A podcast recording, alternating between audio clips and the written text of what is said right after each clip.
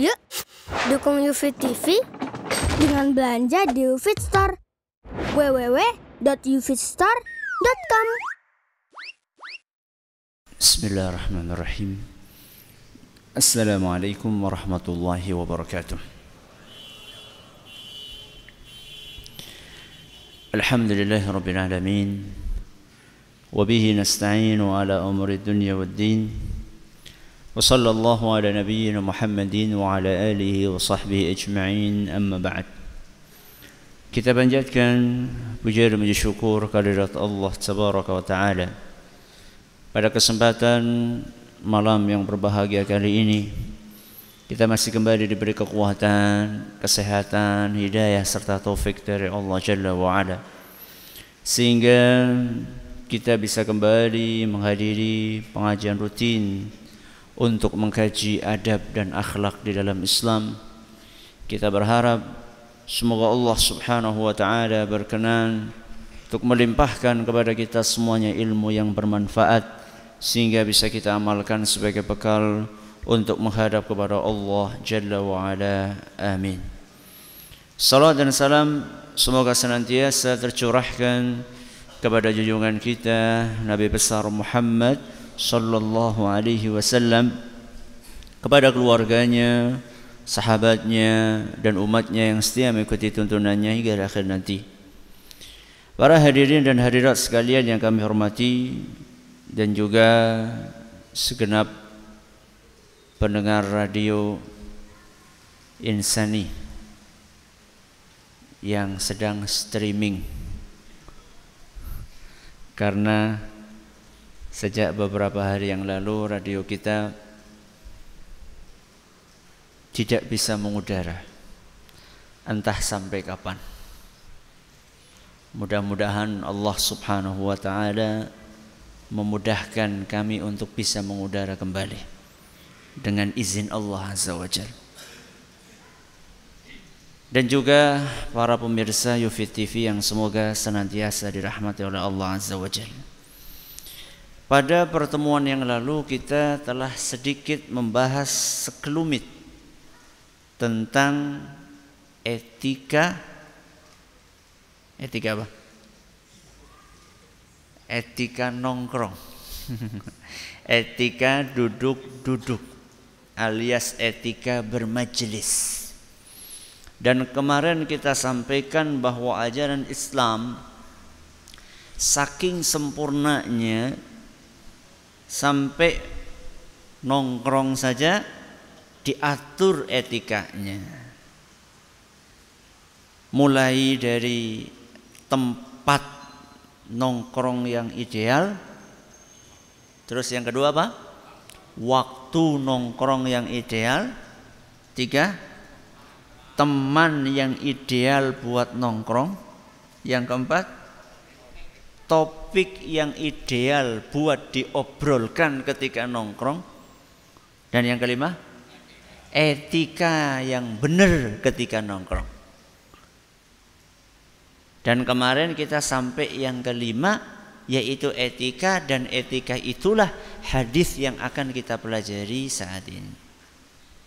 Yaitu hadis yang kelima yang disebutkan oleh Imam Ibn Hajar Al-Asqalani dalam Kitabul Jami' dari Bulughul Maram yaitu hadis yang diriwayatkan oleh Imam Bukhari dan Muslim an Ibni Umar radhiyallahu anhuma dari seorang sahabat Nabi sallallahu alaihi wasallam yang bernama Ibnu Umar. Siapa nama sahabatnya?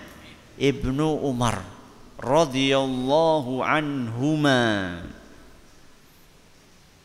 Qala qala Rasulullah sallallahu alaihi wasallam.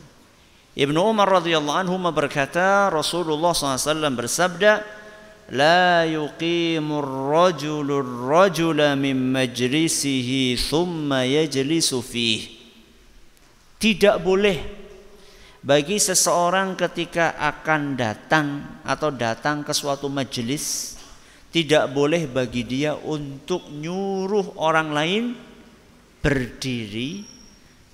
Setelah itu dia menduduki tempat orang tersebut. Tidak boleh bagi seseorang ketika hadir di suatu majelis nyuruh orang yang sudah duduk supaya pergi. Walaupun anak kecil. Walaupun anak kecil. Kadang-kadang anak kecil datang duluan digeser-geser ya. Nabi SAW di sini gak beda-bedakan mau kecil mau tua mau besar gak dibedakan sama Nabi SAW La yuqimu rajulur rajula min majlisihi thumma yajlisu fihi. Tidak boleh seseorang ketika datang ke suatu majelis nyuruh orang lain untuk berdiri, pindah, kemudian dia duduk di situ walakin tafassahu wa tawassa'u. Akan tetapi hendaklah kalian saling apa? melonggarkan tempat. Geser, geser, geser supaya orang yang baru datang bisa duduk di majelis tersebut. Hadis riwayat Bukhari dan Muslim. Seperti biasanya, ketika kita membahas sebuah hadis, maka kita akan awali dengan ini sudah hadis kelima. Kita awali dengan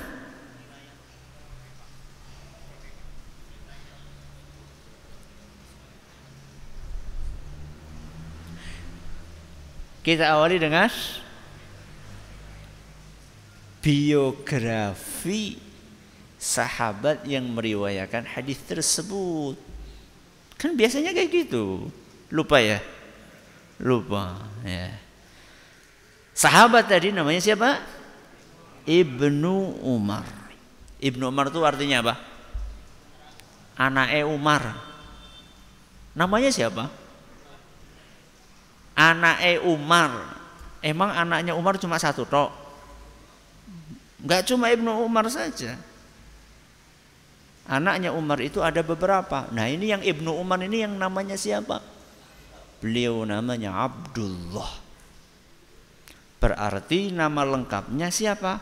Abdullah bin Umar bin Khattab. Siapa nama lengkapnya? Abdullah bin Umar bin Khattab. Dan beliau punya kunyah, kunyah itu julukan Abu Abdurrahman. Siapa? Abu Abdurrahman. Abu, kue artinya bapak eh. Abdurrahman ya Abdurrahman. Artinya Abdullah bin Umar ini punya anak namanya Abdurrahman. Lu anak saya Joko Ustaz. Ya Abu Joko. Kok nggak matching banget Ustaz? Ya pria maning. ya makanya bikin anak lagi yang namanya siapa gitu. ya. Saya alhamdulillah nama anak saya yang pertama Abdurrahman. Maka saya Abu Abdurrahman dan nama saya Abdullah. Ya. Abu Abdurrahman Abdullah. Ini Ibnu Umar nih Abu Abdurrahman Abdullah bin Umar. Cuman bedanya nama saya nama bapak saya bukan Umar. nama bapak saya Zaini Muhayyad. Jadi Abu Abdurrahman Abdullah Zain bin Zaini Muhayyad. Kembali kepada Abdullah bin Umar. Abdullah bin Umar bin Khattab. Berarti Abdullah ini orang istimewa karena beliaunya sendiri Abdullah ini sahabat dan bapaknya juga sahabat. Siapa itu? Umar bin Khattab, khalifah kaum muslimin yang kedua. Setelah siapa? Setelah Abu Bakar As-Siddiq. Dan istimewanya juga Abdullah bin Umar ini punya saudari yang saudari itu adalah istrinya Nabi SAW. Siapa? Siapa? Hafsah. Siapa? Hafsah. Makanya Ibnu Umar ini punya kedekatan yang sangat dengan Nabi kita Muhammad sallallahu alaihi wasallam. Abdullah bin Umar ini salah satu di antara empat orang yang mendapat julukan Al-Abadilatul Arba'ah. Al-Abadilatul Arba'ah itu kira-kira kalau diterjemahkan ke dalam bahasa Indonesia empat serangkai sahabat yang namanya Abdullah. Apa kira-kira? Empat serangkai sahabat yang namanya Abdullah. Berarti sahabat Nabi yang namanya Abdullah cuma empat? Enggak, bukan. Tapi empat orang ini namanya siapa? Abdullah semuanya empat ini. Empat-empatnya ini punya kemiripan. Satu, sama-sama muda. Apa? Sama-sama usianya muda. Dua, sama-sama usianya panjang. Sama-sama usianya panjang. Tiga, sama-sama samudra ilmu. Alias ilmunya sama-sama luas. Sama-sama banyak meriwayatkan hadis Nabi SAW. Sudah berapa sama ini? Empat. Lima, sama-sama jadi rujukan fatwa. Empat orang sahabat ini punya kemiripan sama-sama namanya Abdullah, sama-sama apa tadi? Muda, ya. Sama-sama usianya panjang, sama-sama samudra ilmu, sama-sama banyak meriwayatkan hadis dan sama-sama rujukan fatwa. Siapa yang bisa menyebutkan empat Abdullah ini? Saya kasih minyak wangi asli dari Madinah. Bukan beli di pinggir-pinggir jalan enggak. Langsung saya bawa dari Madinah. Empat Abdullah. Saya bantu ya. Abdullah, Abdullah, Abdullah, Abdullah. ya. Yeah.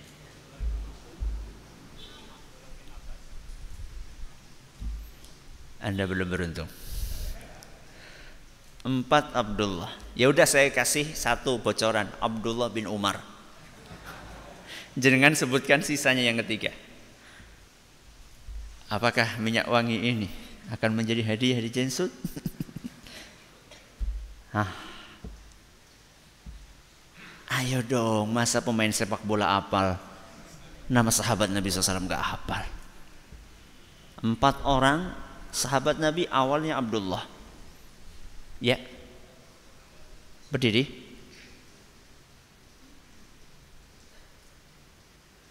Satu. Satu aja. Oh enggak. Empat. Sudah saya bocorin satu tinggal tiga. Tinggal nambah tiga aja. Berdiri. Bagus. Ya. Allahu Akbar. Bagus, silakan. silakan sini. dengar nggak tadi? Kurang dengar. Yang pertama Abdullah bin Umar. Yang kedua Abdullah bin Abbas. Siapa? Barakallahu fiik. Abdullah bin Abbas. Yang ketiga Abdullah bin Az-Zubair. Siapa? Abdullah bin Az-Zubair. Yang ketiga yang keempat Abdullah bin Amr. Apa? Abdullah bin Amr ibnul As. Sebenarnya gampang itu. Yang satu Umar, yang satu apa? Amr. Ya. Ayo kita ulangi.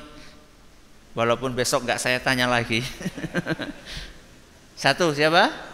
Abdullah bin Umar. Yang kedua? Abdullah bin Abbas. Yang ketiga? Abdullah bin Zubair. Terus yang keempat Abdullah bin Amr. Empat orang ini punya kemiripan. Sama-sama muda, sama-sama ilmunya luas dan sama-sama meriwayatkan hadis banyak sekali. Ibnu Umar saja meriwayatkan 2630 hadis. Berapa? 2630 hadis.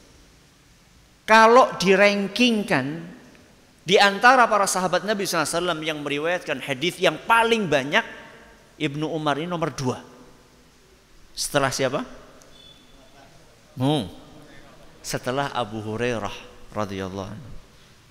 Jadi nomor satu siapa? Abu Hurairah. Nomor dua Ibnu Umar. 2630 hadis. Kok bisa banyak banget Ustadz? Jenengan berapa hadis? Satu, apa? Inamal amalu niat. Kenapa kok bisa banyak banget meriwayatkan hadis? Kata Aisyah radhiyallahu anha, Ibnu Umar ini sangat setia untuk menemani Nabi kita Muhammad SAW. Jadi ke mana pun Nabi SAW pergi selalu ditemani sama Ibnu Umar. Ketika bepergian menemani Nabi SAW, ketika di masjid menemani Nabi SAW. Dalam banyak kesempatan Nabi SAW selalu ditemani oleh Ibnu Umar dan Ibnu Umar ini merekam persis apa yang dilakukan oleh Nabi SAW dan apa yang diucapkan oleh beliau.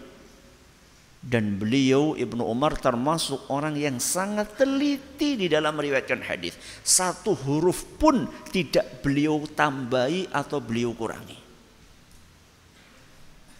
Sebab yang lainnya yang menyebabkan Ibnu Umar ini riwayat hadisnya banyak karena beliau usianya panjang. Sebagian ahli sejarah mengatakan beliau usianya 85 tahun. Emang kenapa Ustadz kalau kalau apa? Usianya panjang. Kalau usianya panjang, banyak orang-orang yang berguru kepada beliau. Banyak murid-muridnya. Sekarang saya tanya, Abu Bakar As-Siddiq. Abu Bakar As-Siddiq. Sama Ibnu Umar. Kira-kira lebih dekat siapa kepada Nabi? Jelas Abu Bakar As-Siddiq. Akan tetapi ternyata hadis yang diriwayatkan oleh Abu Bakar nggak banyak. Tidak sebanyak siapa? Ya banyak, tapi tidak sebanyak Ibnu Umar. Karena Abu Bakar As-Siddiq wafatnya gasik. Wafatnya gasik. Sedangkan Ibnu Umar wafatnya bukan telat.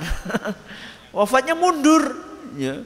Sehingga beliau ketemu dengan begitu banyak murid yang berguru kepada Ibnu Umar.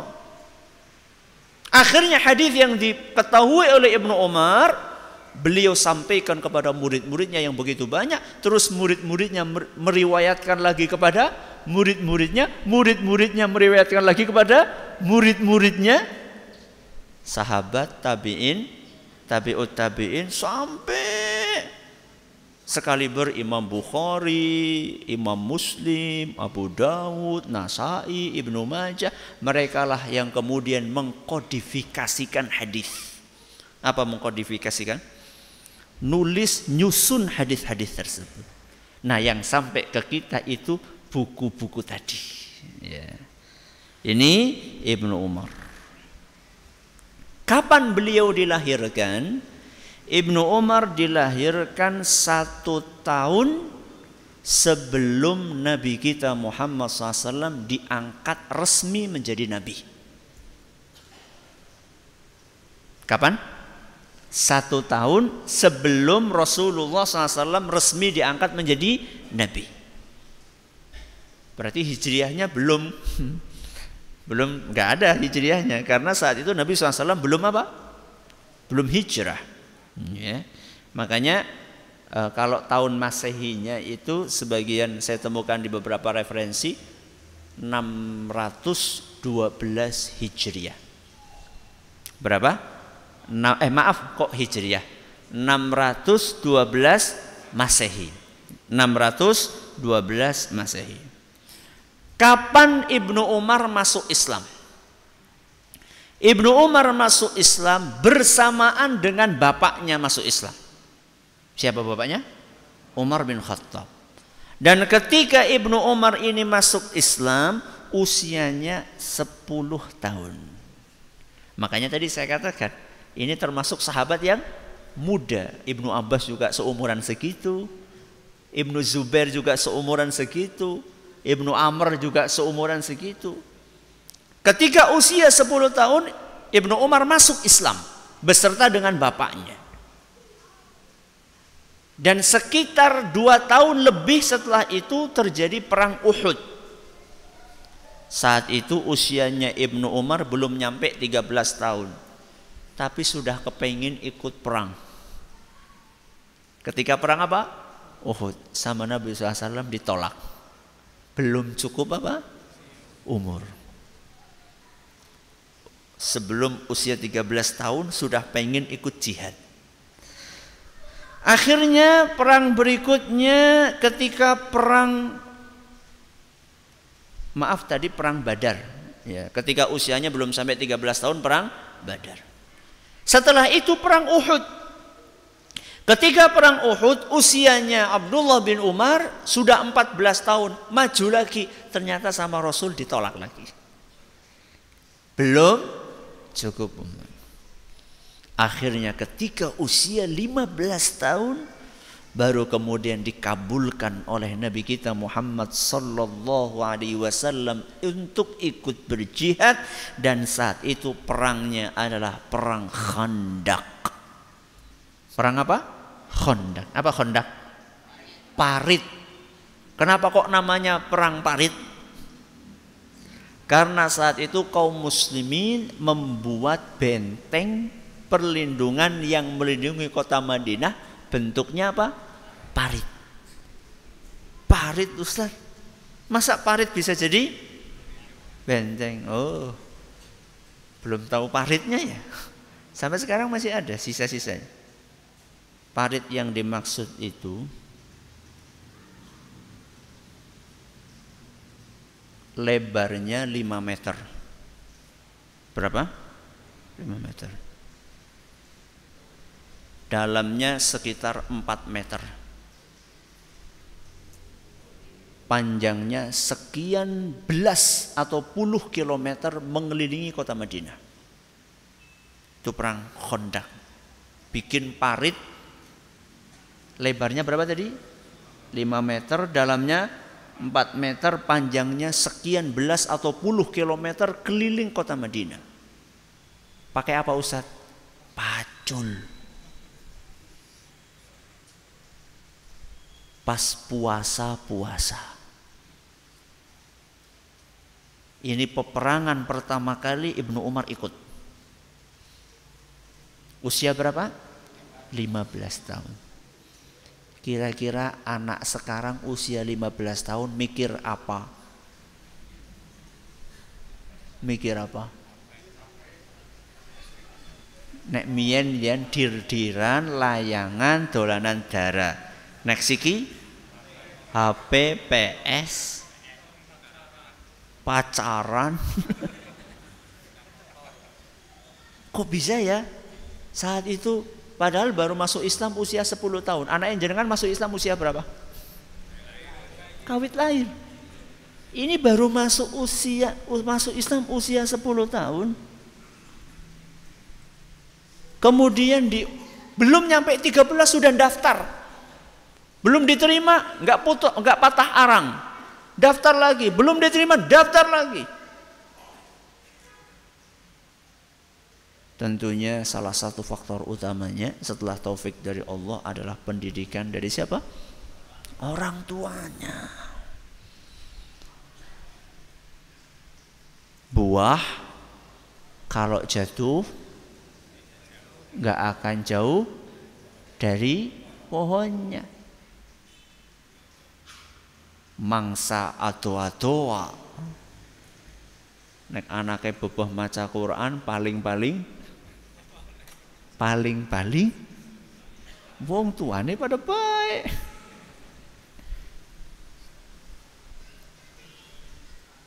Ustadz saya belum terlalu mahir baca Quran Anak saya pengen lebih dari saya. Alhamdulillah. Ya. Jadi buah itu Kalau jatuh rata-rata tidak jauh dari pohonnya kecuali nek dipangan codot. Berarti aslinya itu akan dekat kecuali dalam beberapa kondisi istimewa ya.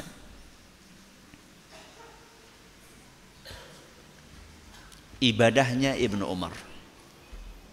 Ibadahnya Ibnu Umar.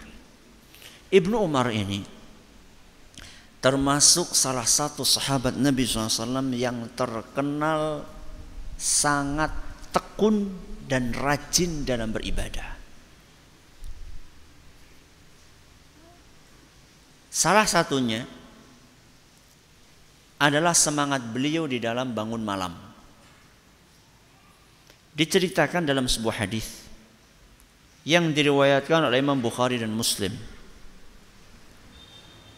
bahwa di zaman Nabi SAW itu biasanya kalau orang mimpi kalau orang mimpi maka mereka akan datang kepada Rasul SAW cerita kepada Rasul.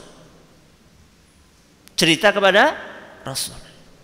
Kemudian sama Rasul SAW ditakwilkan mimpinya ditafsirkan mimpinya. Ibnu Umar ini pengen banget mimpi supaya bisa konsultasi langsung sama Rasul Sallallahu Alaihi Wasallam. Fatamannaitu an ara ru'ya aqussuha 'ala Nabi SAW. Aku pengen banget mimpi sehingga aku ada kesempatan untuk ketemu langsung konsultasi sama Rasul SAW wa kuntu ghulaman syabban azban. Wa kuntu anamu fil masjid ala ahdi Rasulullah SAW saat itu aku masih bujangan. Masih belia biasa tidur di masjid Nabi Wasallam. Sampai beberapa puluh ya tahun yang lalu masih biasa ya. Anak-anak tidur di mana? Musola masjid. Esok-esok pada nimba ya pada ngisi padasan mien. Siki? Wallahu alam nang ndi pada ya. Faraitu fin naumi ka'anna malakaini akhadhani fadhahaba bi ila nar. Ketika aku sedang tidur di masjid, aku mimpi dan saat itu yang aku lihat di dalam mimpiku aku dibawa oleh dua orang malaikat. Kemudian aku diperlihatkan neraka. Subhanallah. Sekali mimpi apa? Ngelihat neraka. فإذا هي مطوية قطي البئر وإذا لها قرنان كقرني البئر Ternyata ketika aku melihat neraka, neraka itu seperti sumur. Ada tembok-temboknya dan ada dua tali. Yang biasa tali itu untuk apa? Untuk nimba. Wa idza fiha nasun qad araftuhum. Ternyata begitu saya ngelongok ke bawah, ada beberapa orang yang aku kenal. Faja'altu aqul maka aku pun saat itu berkata a'udzu billahi minan nar. Apa artinya a'udzu billahi minan nar? Aku mohon perlindungan kepada Allah dari neraka. Aku mohon perlindungan kepada Allah dari neraka. Aku mohon perlindungan kepada Allah dari neraka. Takut. Maka kemudian dua orang malaikat itu berkata lam tura lam tura tidak usah takut, tidak usah khawatir. Selesai mimpinya seperti itu. Maka kemudian Ibnu Umar cerita kepada Hafsah. Hafsah cerita kepada Rasulullah wasallam. Kenapa Hafsah? Saudarinya. Mungkin kalau langsung cerita kepada Rasul SAW agak gimana gitu. Akhirnya cerita sama Hafsah. Hafsah cerita sama siapa? Rasul SAW. Begitu Nabi SAW mendengarkan mimpinya Ibnu Umar, maka Nabi SAW mengatakan ni'mar rajulu abdullah. Sebaik-baik manusia, sebaik-baik pemuda adalah Abdullah bin Umar. Subhanallah. Berarti itu mimpi pertanda baik atau pertanda buruk? Pertanda baik. Pemuda yang terbaik adalah Ibnu Umar. Lau kana yusalli minal lail. Andaikan Ibnu Umar ini rajin sholat malam. Ada catatannya. Ibnu Umar ini laki-laki yang terbaik. Andaikan dia rajin sholat malam setelah mendengarkan takwilnya Nabi SAW tadi fakana Abdullah ba'da dhalika la yanamu minal layli illa qalila. Setelah dengar nasihatnya Nabi SAW tadi Ibnu Umar setelah hari itu tidak tidur malam kecuali sedikit. Alias memaksimalkan waktunya untuk sholat malam sampai meninggal dunia Cuma dengan kata-kata apa? Andaikan Ibnu Umar bangun malam. Berapa kata itu? Andaikan Ibnu Umar bangun malam. Empat kata merubah seluruh kehidupannya. Kita dengar nasihat berapa kata? Pengajian berapa sering kita hadiri? Khutbah Jumat berapa banyak yang kita dengarkan? Saking khusyuk eh sampai kepalanya semuanya nunduk. Seakan-akan di atas kepala mereka ada burung yang hinggap.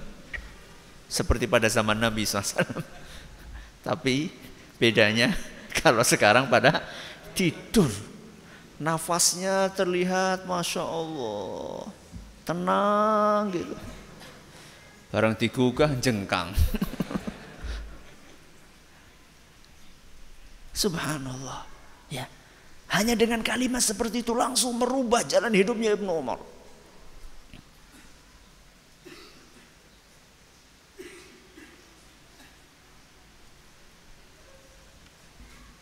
Itu ibadah sholatnya. Ibadah hajinya bagaimana wahajja sittina hajjatan seumur hidup beliau berapa tadi? 85 tahun Ibnu Umar ini sudah haji 60 kali. Berapa haji? An 60 kali. Saya mau izin ini agak panjang dikit tahu apa ya biasanya paling nambahnya 5 menit mungkin 10 menit. Gak apa tadi kita sampai ibadahnya Ibnu Umar. Beliau haji berapa kali? 60 kali semasa hidupnya. Dan umroh kata para ahli sejarah seribu kali selama hidupnya. Kalau saya bagi-bagi tadi jadi setiap bulan umroh. Dan jenengan jangan bayangkan umroh sekarang. Umroh sekarang itu ya ibadah. Tapi ter terus terang mirip wisata. Mirip apa? Wisata. Saking apanya? Saking enaknya. Apa-apa full. Full apa? Apa-apa full AC dan full fulus. ya.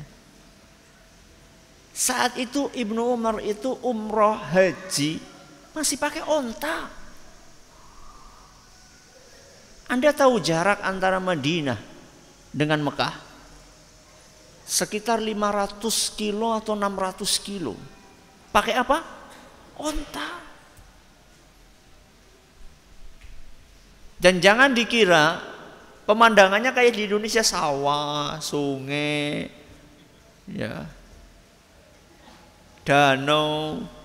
Sepanjang mata memandang isinya padang pasir panas. Kalau pas lagi dingin, dinginnya pol. Kalau lagi puncak-puncaknya musim panas, Kami itu dulu ketika belajar di Madinah itu diliburkan. Puncaknya musim panas itu bisa sampai 50 derajat Celcius. Nah kalau misalnya sepanjang tahun umroh berarti kan akan mengalami di tengah jalan musim panas. Dan kalau musim dingin subhanallah. Di beberapa wilayah Saudi kalau sudah musim dingin bisa 320 derajat Celcius. Jangan bisa bayangkan. Jadi jangan dikira, wah gampang umroh dari sawat. Belum ada. Ini ibadahnya siapa? Ibnu Umar. Bukan hanya ibadah yang sifatnya hablum minallah, hablum minanasnya juga kenceng Ibnu Umar itu. Diceritakan saking beliau itu dermawannya, saking dermawannya,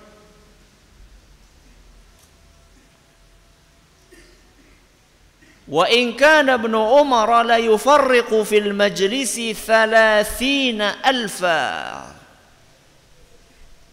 Sekali infak, sekali sodakoh, Ibnu Umar bisa sodakoh sekali 30 ribu. Di sini nggak disebutkan. Tapi yang jelas bukan 30 ribu rupiah. Ya. Ada dua kemungkinan 30 ribu dinar atau 30 ribu dirham. Jangan pengen yang hitung-hitungan yang mana, yang dinar apa yang dirham? Lebih mahal mana? Dinar. Karena dinar itu emas, dirham itu perak. Kita pakai yang dirham saja ya. Kalau seandainya kita konversi pakai dirham, 30 ribu dirham. Satu dirham, seandainya satu dirham itu 50 ribu rupiah. Berarti sekali sodakoh Ibnu Umar ini sodakoh satu setengah M. Sekali sodakoh.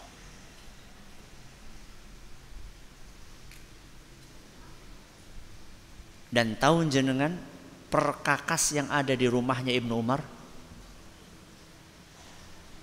Ada salah seorang tabi'in masuk ke rumahnya Ibnu Umar. Kemudian dia memperkirakan harga seluruh perkakas yang ada di rumahnya. Dia hitung-hitung meja, dipan, panci gitu loh. Dihitung-hitung semuanya tidak lebih dari 100 dirham. Kalau satu dirham 50 ribu berarti berapa? 5 juta. Seluruh perkakas yang ada di rumahnya harganya cuma berapa? 5 juta. Padahal sekali infak berapa? 1,5 M. Ini loh orang kaya pada zaman Nabi SAW. Jadi mereka itu ngumpulkan duit, ngumpulkan harta. Itu untuk jadi tunggangan mereka ke akhirat. Bukan dia ditunggangi oleh hartanya, bukan. Mereka punya harta itu dijadikan kendaraan untuk menuju ke surga Allah Subhanahu wa taala.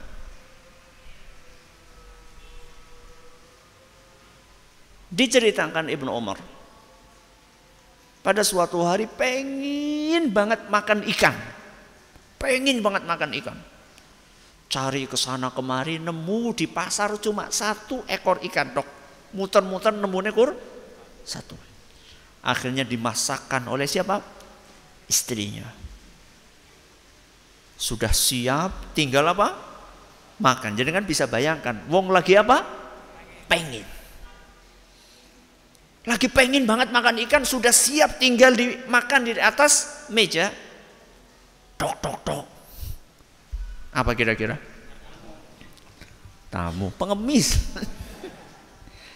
pengemis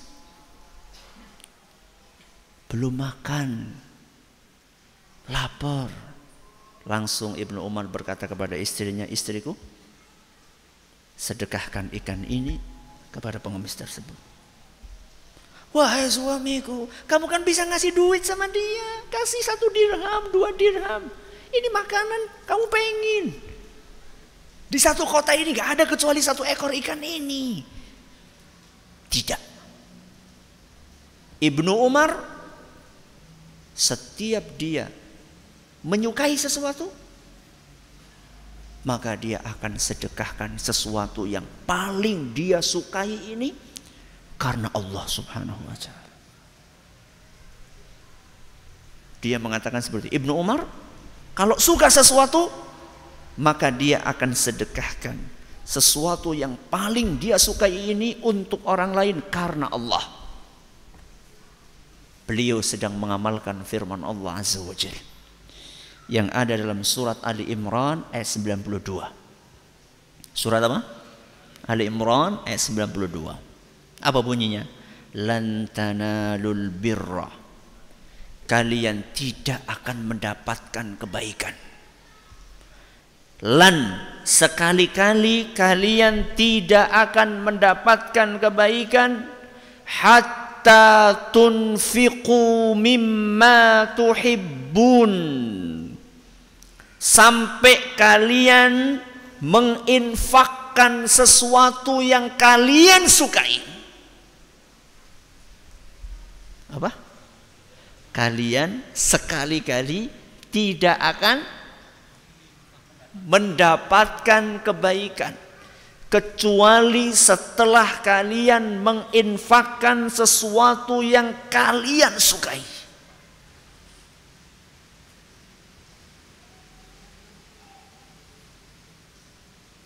bukan menginfakkan, mensedekahkan sesuatu yang kalian tidak sukai. Buah wis arep bosok nembe dikirim kene tanggane. Jangan wis arep mambu nembe dikirim kene tanggane. Ketika jenengan lagi masak yang enak banget. Ya kayaknya kita belum bisa lah kayak Ibnu Umar masak sepanci sepanci di akan kabeh mungkin kita belum bisa ya paling ora pira sepanci pira berapa yang jadi dinfakan dua sepanci lo separoh semangkok. Ya mending lah daripada ora. Aja kur dibagi nih ambune tok. Nyate masa Allah tanggane kebagian apa? Ambune tok. Oh bakul sate. Subhanallah. Ini ibadahnya siapa? Ibnu Umar radhiyallahu anhu. Nah, terakhir ya. Keteguhan beliau dalam berpegang dengan sunnah Rasulullah SAW. Jadi Ibnu Umar ini nggak cuma rajin ibadah, tapi ibadahnya itu berusaha oleh beliau dicocokkan dengan sunnah Rasulullah SAW. Dan ini penting luar biasa. Karena di zaman kita ini mungkin banyak orang rajin ibadah, tapi belum tentu ibadahnya sesuai tuntunan Rasul Sallallahu Alaihi Wasallam. Tidak sedikit orang yang ibadah rajin, Ketika ditanya gue anak tuntunannya lasing penting yang marem. Loh. Ibadah kok semarem dewek? Enggak. Ibadah itu harus sesuai dengan apa yang diinginkan oleh Rasul SAW. Diinginkan oleh Allah Subhanahu wa taala. Udah sekarepe dewek. Ya. Jika saya, saya kasih contoh, ini pernah kita bahas hadis ini ketika kita membahas tentang hak sesama muslim. Dari Nafi' seorang muridnya Ibnu Umar, anna rajulan atasa ila jambi Ibnu Umar faqala. Pada suatu hari ada seseorang bersin di sampingnya Ibnu Umar. Begitu bersin orang tadi mengucapkan alhamdulillah. Salah apa benar? Salah apa benar? Benar, orang bersin mengucapkan alhamdulillah. Alhamdulillah. Tapi orang mandek sekangkono. Gak berhenti di situ. Alhamdulillah wassalamu ala Rasulillah. Ditambahi solawat kepada siapa? Rasul SAW. Solawat di dalam agama kita dianjurkan atau tidak? Sangat dianjurkan. Terus apa masalahnya? Masalahnya adalah penempatannya. Begitu dia bersin, wahing, alhamdulillah, wassalamu ala rasulillah. Di sampingnya siapa? Ibnu Umar. Langsung Ibnu Umar berkata, "Wa ana aqulu alhamdulillah wassalamu ala rasulillah." Fulan, Aku juga biasa mengucapkan Alhamdulillah. Aku juga sering membaca salawat kepada Rasul SAW. Jadi jangan engkau pikir aku tuh nggak suka hamdalah, aku nggak suka salawat. Walaysa hakadha 'allamana Rasulullah sallallahu alaihi wasallam. Tapi dalam momen seperti ini bukan itu yang diajarkan sama Rasul SAW. Yang diajarkan apa? Alhamdulillah. Ada beberapa redaksi ada alhamdulillah, ada alhamdulillah ala kulli hal, ya, ada beberapa redaksi. Tapi alhamdulillah plus solawat setelah bersin gak dicontohkan sama Rasul SAW. Hadis riwayat Tirmidzi dan dinyatakan sahih oleh Imam Al Hakim. Jadi lihat Ibnu Umar radhiyallahu anhu sangat teliti dalam beramal. Dan sekarang kan orang kadang-kadang jadi kayak gue apik. Sing penting tuli marem. Sing penting niatnya seneng. Saya seneng saya pengen uh, yang penting saya puas. Saya kan maksudnya baik nggak ada maksud yang lain loh kalau jenengan niatnya baik nanti bisa-bisa ada orang sholat duhur jam 10 pagi 10 rakaat. Bira? Jam 10 pagi 10 rakaat. Ketika ditanya, "Loh, ini jam 10, saya semangat." Kalau cuma ukurannya semangat, lebih semangat sing di sing sholat jam 10 apa jam rolas? Kalau ukurannya apa? Semangat. Nyong semangat jam 10, kan saya orang pada masjid, nyong wis masjid disit. Mbok sip. Kono papat nyong sepuluh. Ibadah itu bukan cuma modal semangat. Makanya Ibnu Umar radhiyallahu anhu mengasih contoh kepada kita, salat ibadah rajin tapi sesuai sunnah Rasul sallallahu alaihi wasallam. Ibnu Umar wafat pada tahun 73 Hijriah. Tahun berapa? 73 Hijriah dalam usia berapa tadi? 85 tahun. Semoga Allah merahmati dan meridhoi beliau dan kita bisa meneladani hal-hal yang baik dari beliau. Ini yang dapat kami sampaikan pada kesempatan kali ini. Semoga bermanfaat. Terima kasih atas perhatiannya. Mohon atas segala kurangnya. Kita tutup dengan membaca Subhanakallahumma bihamdika asyhadu an la ilaha illa anta astaghfiruka wa atubu ilaik. Assalamualaikum warahmatullahi wabarakatuh.